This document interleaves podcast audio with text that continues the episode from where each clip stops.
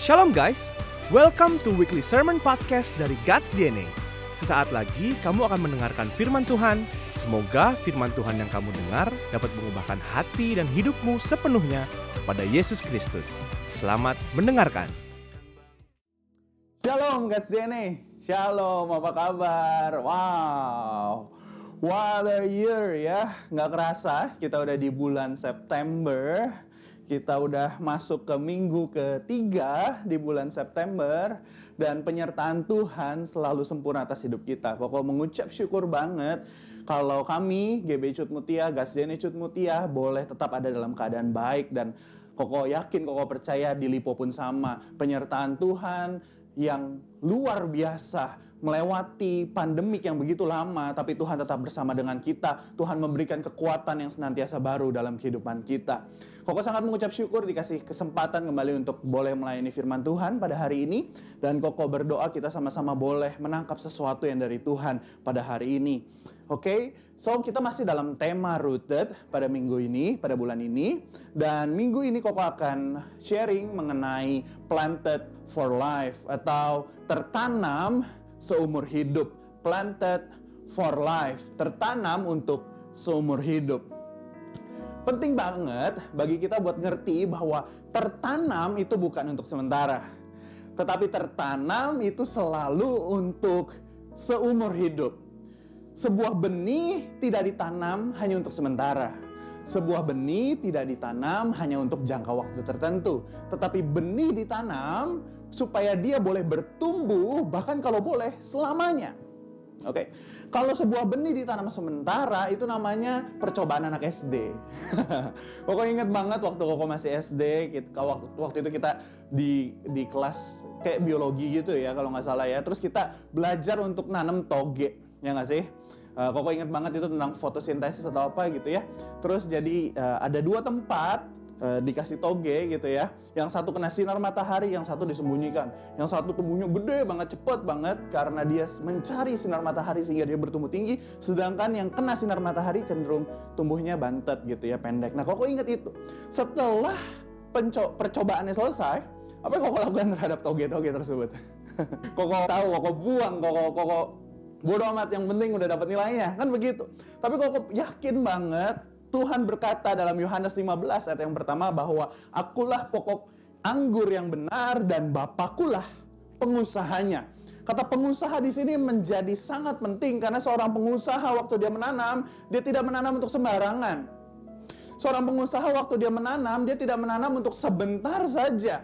Bayangkan kalau kalau kalian adalah pengusaha, kalau kalian punya kebun anggur, kalau kalian punya kebun apel, oke, okay? kalian tentu tidak menumbuhkan benih apel hanya untuk seminggu dibuang. Hanya untuk melihat seminggu pertumbuhan dan lantas dibuang. No. Kamu percaya kalau kalian seorang pengusaha, kalian akan tunggu sampai apelnya berbuah.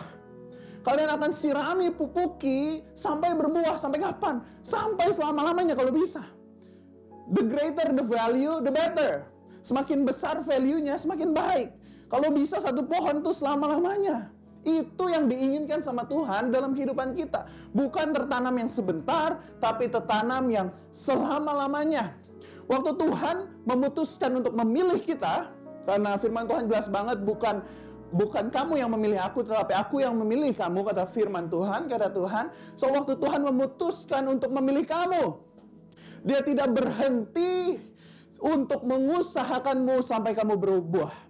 Dia tidak akan berhenti untuk mengusahakanmu sampai kamu berbuah waktu dia telah memilih kamu. Dia ingin mengerjakan kehidupanmu. Dia ingin bekerja dalam kehidupanmu. Dia ingin membantu kamu untuk berbuah. Dia ingin membuat kamu subur. Dia ingin menyirami kamu sampai kamu berbuah. Mazmur 139 ayat 7 sampai ke yang 10 sangat jelas mengenai hal ini. Ini adalah Mazmur Daud dan Koko sangat suka sama Mazmur ini. Kita sama-sama buka Mazmur 139 ayat 7 sampai ke yang 10. Dikatakan begini, firman Tuhan. Ke manakah aku dapat pergi menjauhi rohmu? Ke manakah aku dapat lari dari hadapanmu?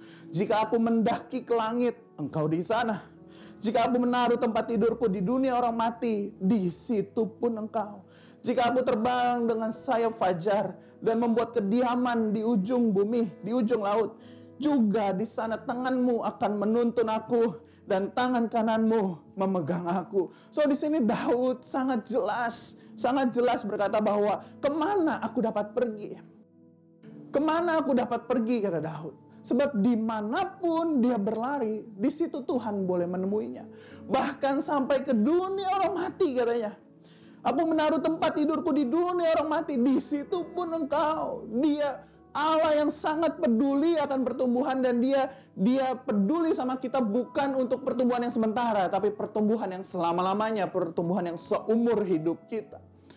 Allah sangat amat peduli sama pertumbuhan kita. Allah sangat amat peduli untuk kita tertanam seumur hidup kita.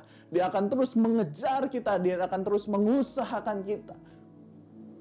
Itulah mengapa pemilihan Tuhan atas hidup kita itu sungguh berharga, sungguh amat berharga. Waktu dia memilih kita itu sungguh tidak main-main. Karena begitu besar kasih Allah akan dunia ini sehingga ia mengaruniakan anak yang tunggal supaya setiap orang, setiap orang yang percaya kepadanya tidak binasa melainkan beroleh hidup yang kekal.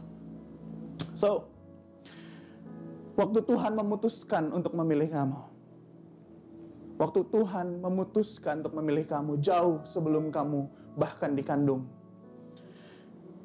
Tuhan gak main-main. Tuhan gak main-main waktu dia bilang dalam Roma 8 ayat 28 bahwa dia bekerja dalam segala sesuatu. Segala sesuatu untuk mendatangkan kebaikan bagi mereka yang mengasihi dia. Tuhan gak main-main. So, mengapa pengertian bahwa kita ditanam tidak hanya untuk sementara menjadi sangat penting? Kalian perhatikan ini. Di, di dunia bisnis ada sebuah teori yang lumayan terkenal disebut dengan game theory atau teori pertandingan atau teori pertandingan ya. Nah, apa sih game teori ini, teori pertandingan ini? So dikatakan bahwa di dalam dunia, at least, at least setidaknya ada dua tipe pertandingan. Pertandingan yang pertama adalah pertandingan finite game atau pertandingan terbatas. Apa itu pertandingan terbatas? Pertandingan terbatas adalah pertandingan di mana rule-nya jelas, terbatas, jumlah resource-nya, jumlah pemainnya terbatas. Contohnya apa? Contohnya bermain basket. Terbatas, ada rule-nya. Waktunya berapa lama, satu pertandingan harus diikuti lima orang, lima orang, ya kan? Ada ada three point, ada two point. Rule-nya jelas, waktunya jelas. Oke? Okay? Dan tapi ada satu lagi pertandingan yang disebut dengan infinite game atau per pertandingan yang tidak terbatas. Infinite game itu apa? Ini adalah sebuah pertandingan yang tidak jelas peraturannya, tidak jelas resource-nya, tidak jelas kapan berakhirnya. Oke. Rasul Paulus berkata bahwa kita ada dalam sebuah pertandingan. Tapi pertanyaannya adalah pertandingan yang mana? Is it a finite game or is it a infinite game? Apakah sebuah pertandingan yang terbatas atau pertandingan yang tidak terbatas? Coba kita lihat baik-baik pertandingan kita, pertandingan iman kita. Apakah pertandingan kita, apakah pertandingan kita rule-nya terbatas? Apakah rule-nya jelas? Pertandingan iman kita? Aku rasa tidak. Apakah jumlah orangnya jelas? Aku rasa tidak. Apakah resource-nya jelas? Tidak. Jadi akan sangat salah untuk kita berpikir bahwa pertandingan iman kita berbicara tentang waktu yang sementara, waktu yang terbatas, sedangkan Tuhan maunya pertandingan iman kita bukan melawan darah dan daging, tetapi untuk melawan penguasa di udara. Artinya pertandingan iman kita tuh seumur hidup, bukan tentang menang, bukan tentang kalah, tapi tidak terbatas waktunya sampai kita mati, sampai kita menyelesaikan pertandingan dengan baik. Itu kata Rasul Paulus. So, apa maksudnya dalam kehidupan kita? Maksudnya itu seperti ini, teman-teman kita ada di bumi bukan untuk kita menjadi orang Kristen, bukan untuk menjadi lebih baik daripada orang Kristen lainnya. Nah, harus ngerti ini. Bahwa kita dipanggil bukan untuk lebih keren dari Kristen lainnya. Bukan supaya lebih-lebih dari Kristen lainnya. No, tapi kita dipanggil untuk mengiring Tuhan. Mengikuti Tuhan. Itulah arti Kristen, pengikut Kristus, mengiring Tuhan, mengikuti ke mana Tuhan mau berjalan seumur hidup kita. That's our game. Itu adalah pertandingan kita. Kalau kita sampai salah bertanding, kalau kita sampai salah berpikir, kita ikuti pertandingan yang infinite dengan cara yang finite, dengan cara yang terbatas, maka udah pasti kita akan kalah. Sebaliknya juga kalau kita ikut pertandingan yang finite dengan cara yang infinite, pasti kalah. Semua dua tipe pertandingan ini memiliki caranya masing-masing. Nah untuk itulah Koko yakinkan kepada kalian bahwa kalau kita mengerti pertandingan kita itu seumur hidup kita, maka berakar menjadi sangat penting. Kalau kita mengerti bahwa pertandingan kita, kita laksanakan seumur hidup kita, maka kita mengerti juga bahwa berakar akan sangat penting. Dan ini membawa kita kepada poin pertama kokoh. A planted tree may be trunkless, may be branchless, may be leafless, but it may not be rootless. Sebuah pohon mungkin tidak berbatang, mungkin tidak bercabang, mungkin tidak berdaun, mungkin tidak berbuah, tetapi dia tidak boleh tak berakar sebuah pohon tidak boleh tak berakar. Salah satu fungsi akar adalah menopang. Sebuah penopang tanpa akar yang kuat tidak mungkin sebuah pohon bisa hidup dengan lama, bisa hidup dengan subur, tidak mungkin, tidak mungkin. Oke. Okay? So, apalah arti? Apalah artinya? Sebuah pohon yang gilau gemilau, yang daunnya begitu lebat, yang buahnya begitu manis, tetapi dia dicabut dari akarnya. Dia dipotong akarnya. Maka sebentar saja pasti daunnya akan layu. Sebentar saja maka buahnya pasti akan busuk. Sebentar saja maka daunnya berguguran. You know. Trunk may be gone. Branch may be gone, leaf may be gone, even fruit may be gone, but root, akar, tidak boleh pernah hilang dalam kehidupan sebuah pohon. So, malu kita kalau kekristenan kita hebat dan putih di luar. Tetapi gelap dan bobrok di dalam. Malu kita kalau kekristenan kita begitu gilau gemilau daunnya, begitu rasanya manis banget buahnya, tetapi akarnya tidak ada. Matius 23 27 Celakalah kamu hai ahli-ahli Taurat dan orang-orang Farisi, hai kamu orang-orang munafik. Kok kok kok reward ya? Celakalah kamu, hai orang-orang Kristen, hai kamu orang-orang munafik, sebab kamu sama seperti kuburan yang dilabur putih, yang sebelah luarnya memang bersih tampaknya, tetapi yang sebelah dalamnya penuh tulang belulang dan pelbagai jenis kotoran.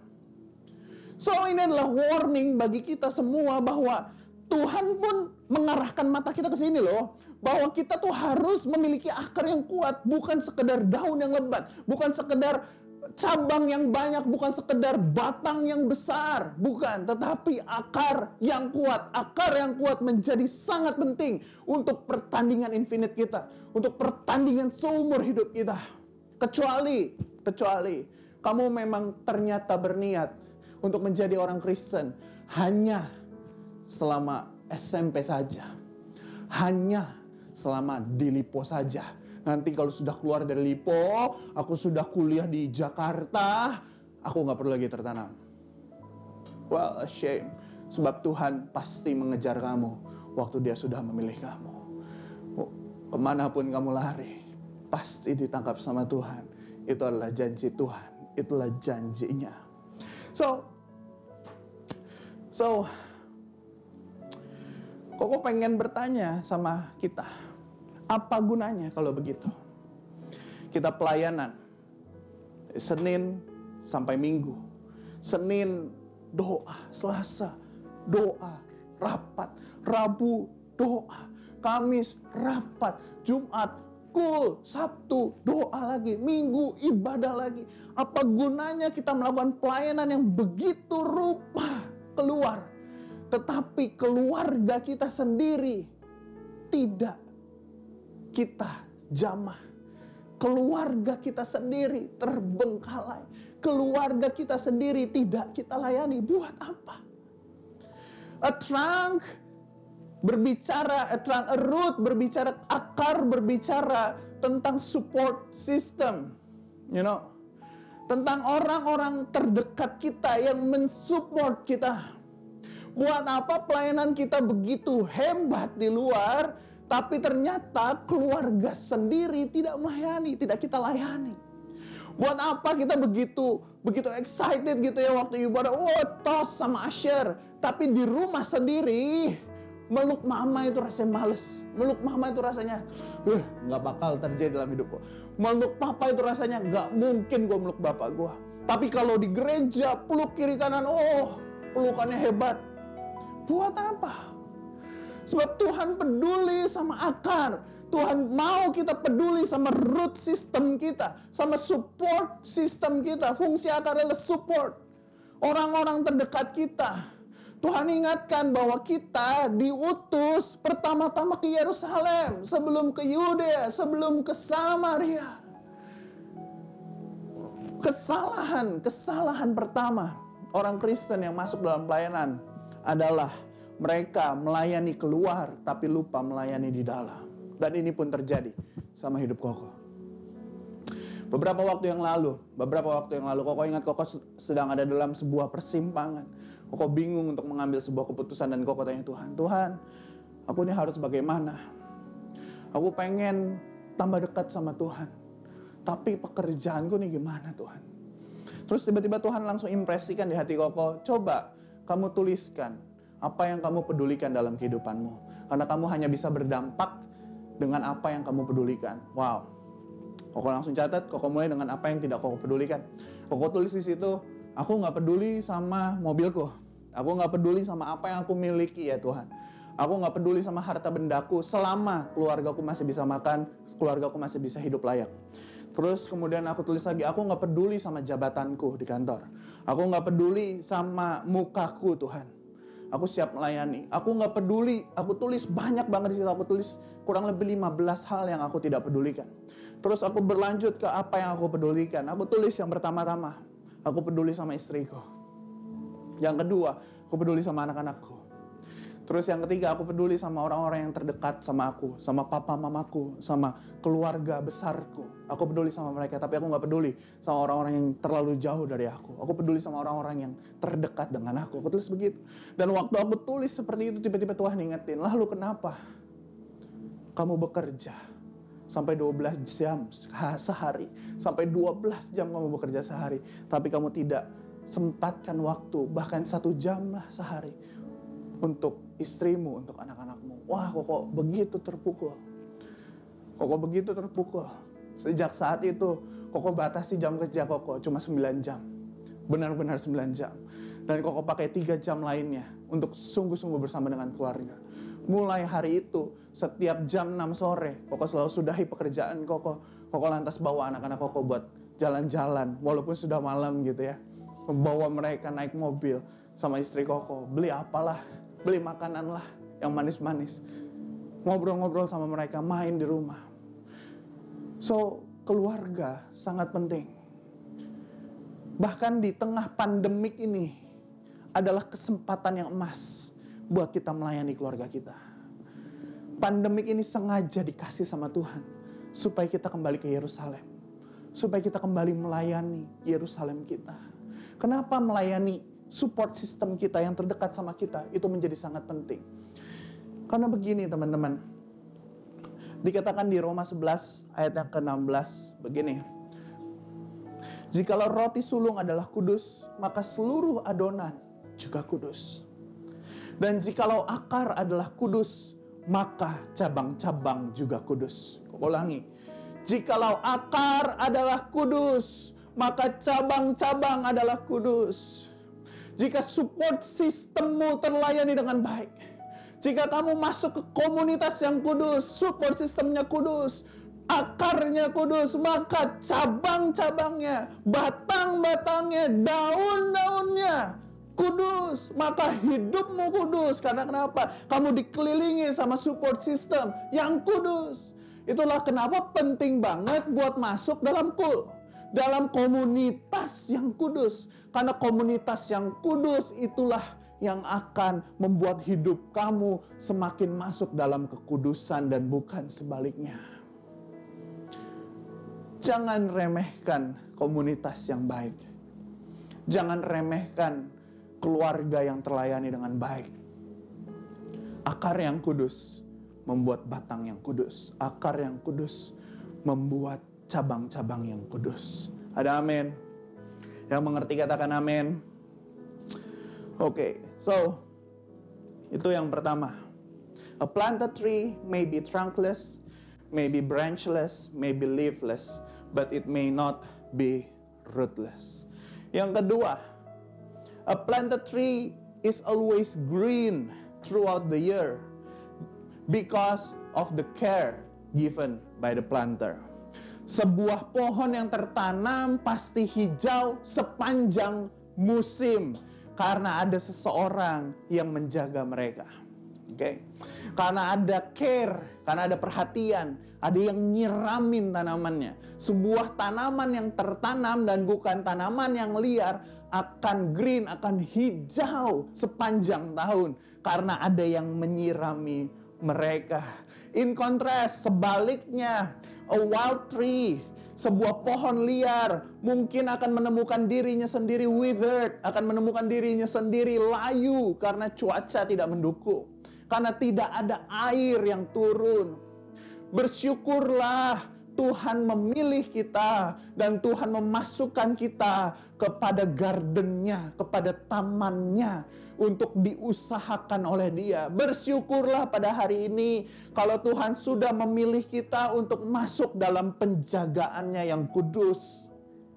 Kolose 2 ayat yang ketujuh berkata seperti ini, hendaklah kamu berakar di dalam dia dan dibangun di atas dia hendaklah kamu berakar di dalam Dia dan dibangun di atas Dia. Berakar di dalam Kristus. Oke, okay? kamu punya akar dan akarmu harus berada di dalam Kristus. Dan kemudian bertumbuh, dibangun di atas Dia. Ini sangat penting untuk kita perhatikan. Hanya ada dua tempat untuk kita bertumbuh. Hanya ada dua tempat untuk kita bertumbuh di dalam dunia atau di dalam dia? Di dalam dunia atau di dalam dia? Tuhan kita. Hanya ada dua tempat ini. Mungkin kamu berkata, ah, aku punya support system yang baik kok. Aku punya geng teman-teman yang baik kok. Mereka memang tidak mengenal Tuhan. Mereka memang bukan komunitas rohani. Tapi kami nggak ngelakuin hal yang buruk. Kami nggak pergi-pergi clubbing. Kami nggak aneh-aneh. Kami komunitas yang baik. Kami komunitas yang baik kok. Buat apa aku join lagi ke Cool? Aku udah punya komunitas yang baik. Aku sudah punya kelompok yang baik. So, walau waktu kamu berkata seperti itu, se sebenarnya waktu kamu memutuskan untuk untuk seperti itu sebenarnya kamu sedang memutuskan untuk berakar di luar penjagaan Tuhan. Ya, teman-teman kamu mungkin baik, tapi teman-teman kamu bukan Allah yang maha baik bukan Tuhan yang siap menjaga kamu kapan pun. Bukan penjaga yang akan selalu ada bersama-sama dengan kamu. Kok berani ngomong seperti ini sebab Tuhan itu lebih waktu kita tertanam dalam komunitas yang baik, waktu kita tertanam dalam kul yang baik, maka mereka kakak-kakak rohani itu akan menjadi penjaga yang baik akan menjadi penjaga yang kudus bagi kamu. Sedangkan teman-teman kamu hanya bisa memberikan nasihat dari dunia. Hanya bisa memberikan nasihat dari dunia, bukan memberikan nasihat dari Dia, dari Tuhan sebagai sumbernya. Apa tandanya kita sudah berakar di dalam Kristus? Tandanya adalah cuaca yang kering sekalipun tidak mempengaruhi kita untuk bisa tetap hijau dan tetap berbuah pada musimnya. Tanda bahwa kita dalam penjagaan Tuhan, dalam pagarnya Tuhan itu adalah apa? Adalah waktu kita dalam kondisi terjepit sekalipun, waktu kondisi tidak baik sekalipun, kita tetap bisa berbuah yang manis, kita tetap bisa memiliki daun yang hijau. Itu adalah tandanya.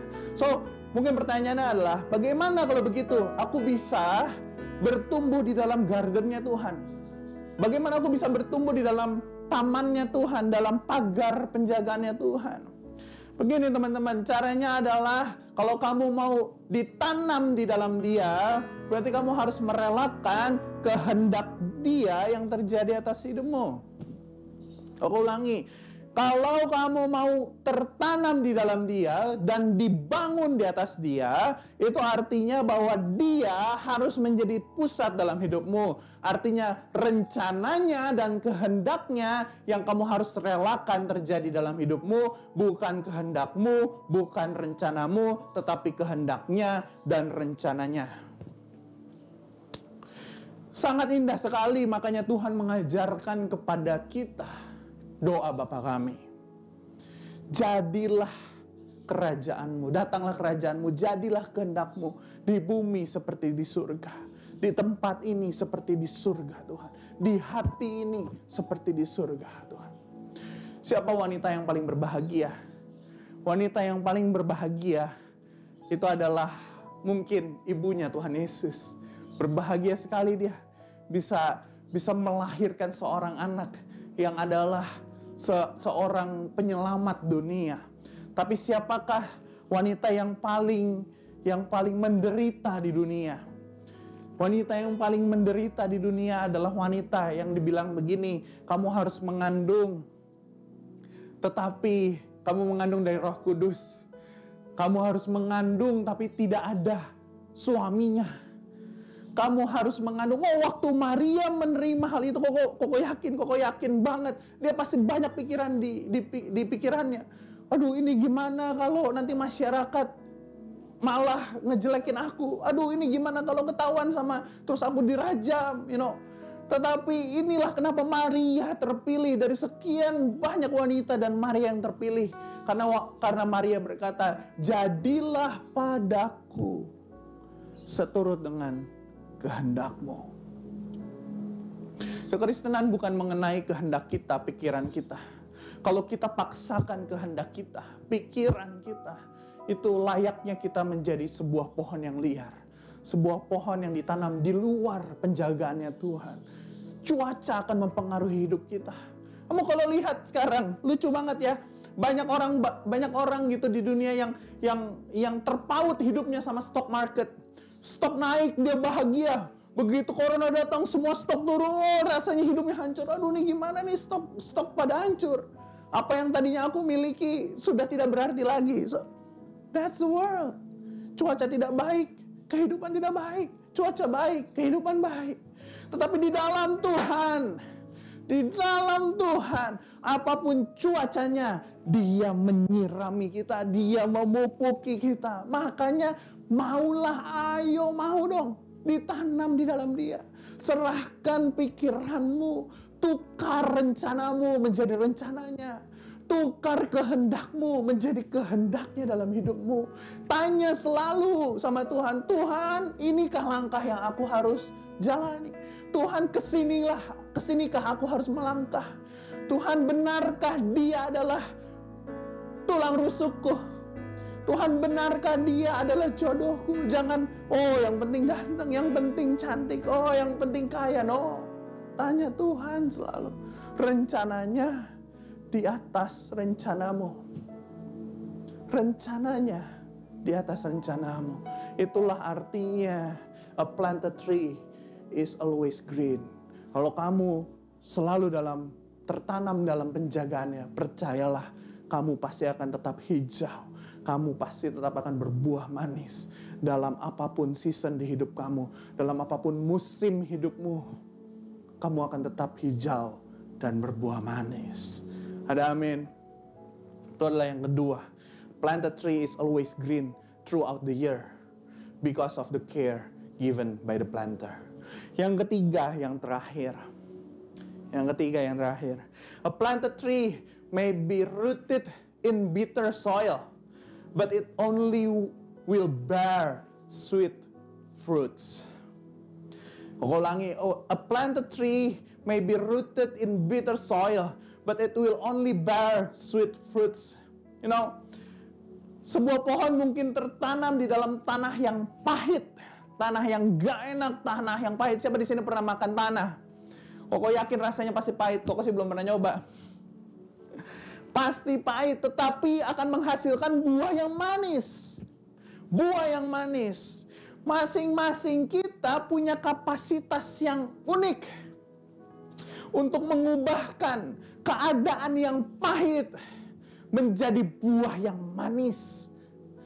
Kok ulangi, masing-masing kita punya kapasitas yang unik untuk mengubah keadaan yang pahit di sekeliling kita menjadi buah yang manis bagi orang di sekeliling kita. Makanya jangan heran kalau Tuhan tempatkan kita kadang-kadang gitu ya dalam keadaan yang gak enak. Dalam justru dalam keadaan yang tidak enak lah. Kamu harus berbuah manis. Tuhan sedang memberikan nutrisi terbaiknya waktu dia memberikan pelajaran melalui hal-hal yang pahit dalam hidupmu.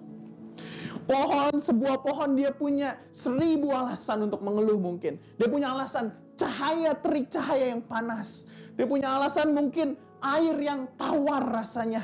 Dia punya alasan mungkin tanah yang pahit. Sama kita juga punya alasan mungkin, aduh kerjaanku nggak enak. Aku pengennya jadi dokter tapi nggak ada duit. Aduh, aku tuh pengennya fotografi tapi malah jadi akuntan. Kamu mungkin punya seribu alasan buat mengeluh, tapi pilihlah untuk menghasilkan buah yang baik daripada mengeluh. Pilihlah untuk mengeluarkan, untuk menyerap segala yang pahit itu menjadi pelajaran yang berharga bagi hidupmu supaya nanti keluarnya manis waktu dirasakan oleh orang-orang di sekeliling kamu manis rasanya manis buahnya wah kok sangat mengucap syukur banget dan buah berbicara tentang dua hal, hanya dua hal. Yaitu satu, anak rohani. Dan yang kedua adalah berkat yang dirasakan oleh orang lain. Mengapa kok sebut anak rohani bukan sekedar jiwa-jiwa? Karena karena buah itu hasil kandunganmu sendiri, itu buah. Sebuah buah dia dihasilkan oleh essence, oleh sari-sari makanan dari pohon itu sendiri. So, so koko koko pengen urge kalian bukan sekedar membawa jiwa ke gereja, bukan sekedar itu, tapi kalian berdoa bagi mereka. Kalian melahirkan mereka, itu artinya anak rohani, melahirkan mereka. Yang tadinya nggak percaya sama Tuhan, tadinya teman-teman kamu yang mungkin sahabat kamu bahkan mungkin yang nggak percaya sama Tuhan, kamu bawa dalam doa itu artinya melahirkan anak rohani. Jangan sekedar membawa jiwa ke gereja, Oh kok kalau gitu nggak usah dong bawa jiwa ke gereja. No, no, no, tetap bawa jiwa ke gereja. Tetapi kok minta satu hal lebih dari itu. Kamu berdoa untuk mereka. Melahirkan mereka. Supaya yang kamu bawa ke gereja bukan sekedar menjadi jiwa yang digembalakan orang, oleh orang lain. Tapi menjadi jiwa anak rohanimu sendiri. Yang keluar dari eluhanmu, keluhanmu dari dari eranganmu. Waktu kamu masuk dalam doa. Dan yang kedua adalah buah tidak dirasakan oleh pohon itu sendiri. Buah selalu dirasakan oleh orang lain.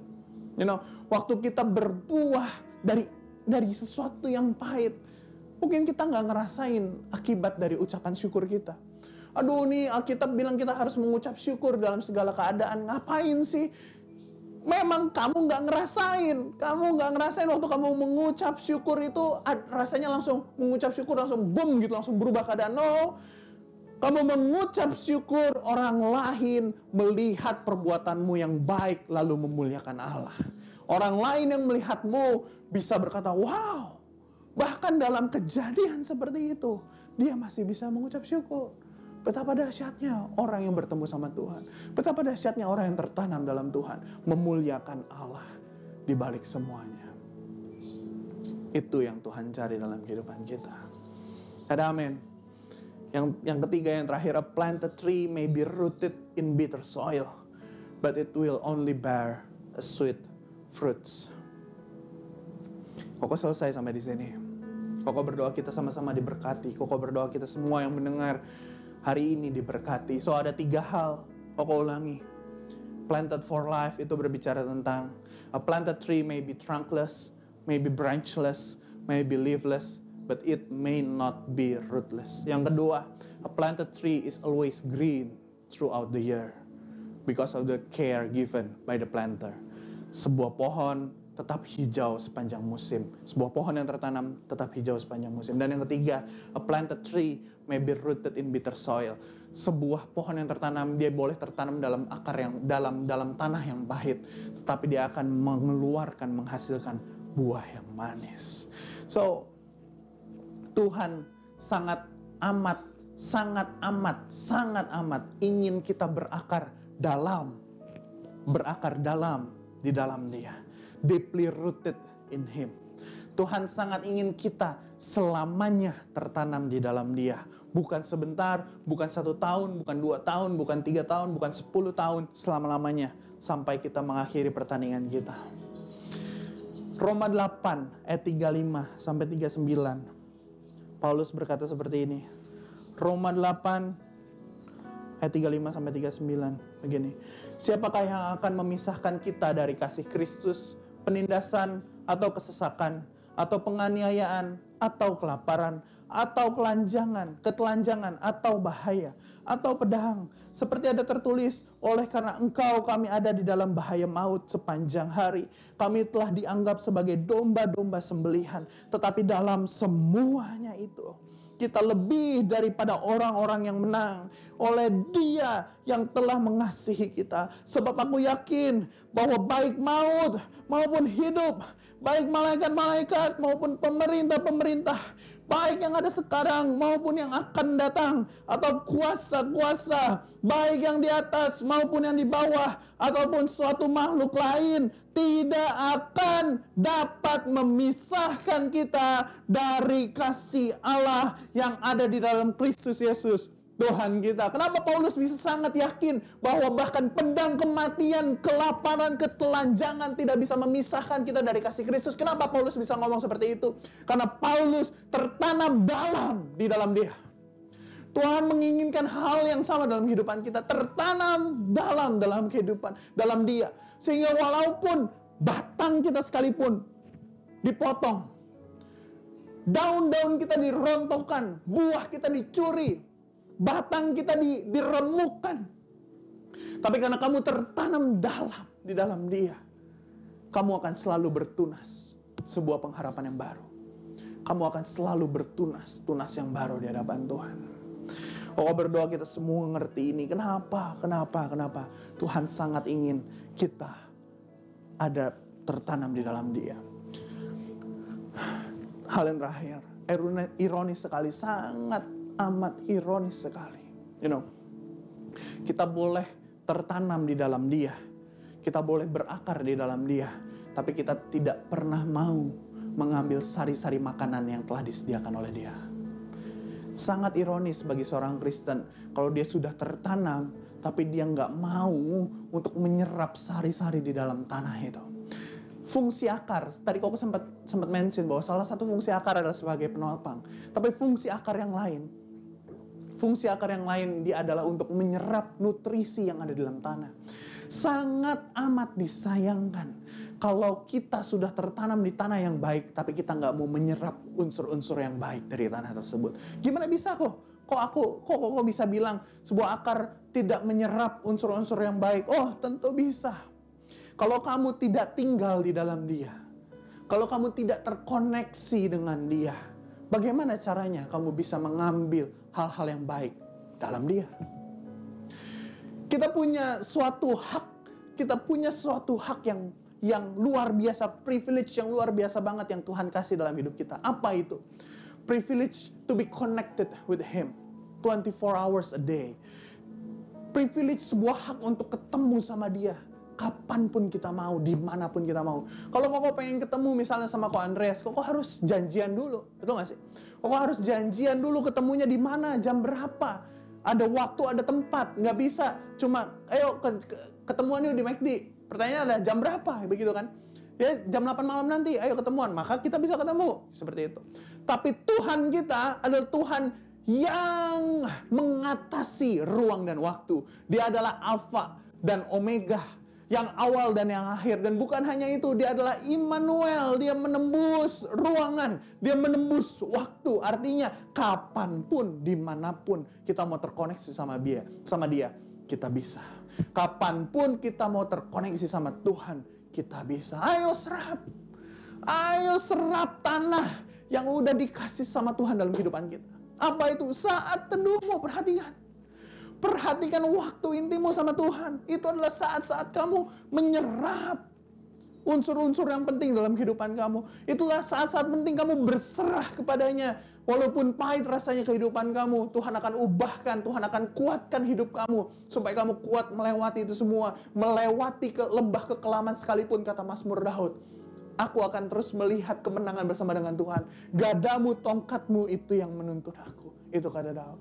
Kok kok sangat senang sama membaca Mazmur Daud. You know, kalau kalian baca Mazmur entah itu pemasmurnya Daud atau yang lain, pemasmur yang lain, mereka selalu mulai dengan dengan kesedihan gitu ya. Oh, musuh di hadapanku. Oh, betapa betapa malangnya aku. Aku melihat orang fasik jalan begitu ini sedangkan aku terjatuh-jatuh misalnya seperti itu. Mereka mulai selalu dengan keadaan tidak baik, tetapi di akhir pasalnya mereka selalu tutup dengan ucapan syukur, kemenangan. Wah, dahsyat banget. Jangan sampai pahitnya hidupmu membuat kamu tidak berbuah. Tapi izinkan bahkan melalui kepahitan dalam hidupmu, melalui lembah kekelaman sekalipun, Tuhan boleh membawa kamu menjadi pemenang, bahkan lebih dari pemenang. Itulah pesan koko pada hari ini. Semoga kita boleh menangkap suatu hal yang banyak hari ini. Koko berdoa pesan ini tidak sia-sia, tapi pesan ini boleh deeply rooted, boleh masuk dalam dalam hatimu dan boleh berbuah baik. Mari kita tutup dalam doa. Terima kasih telah mendengarkan Weekly Sermon Podcast dari God's DNA. Benih firman Tuhan yang ditanam tidak akan pernah sia-sia dalam kehidupanmu. Sampai bertemu di Weekly Sermon Podcast berikutnya. Tuhan Yesus memberkati.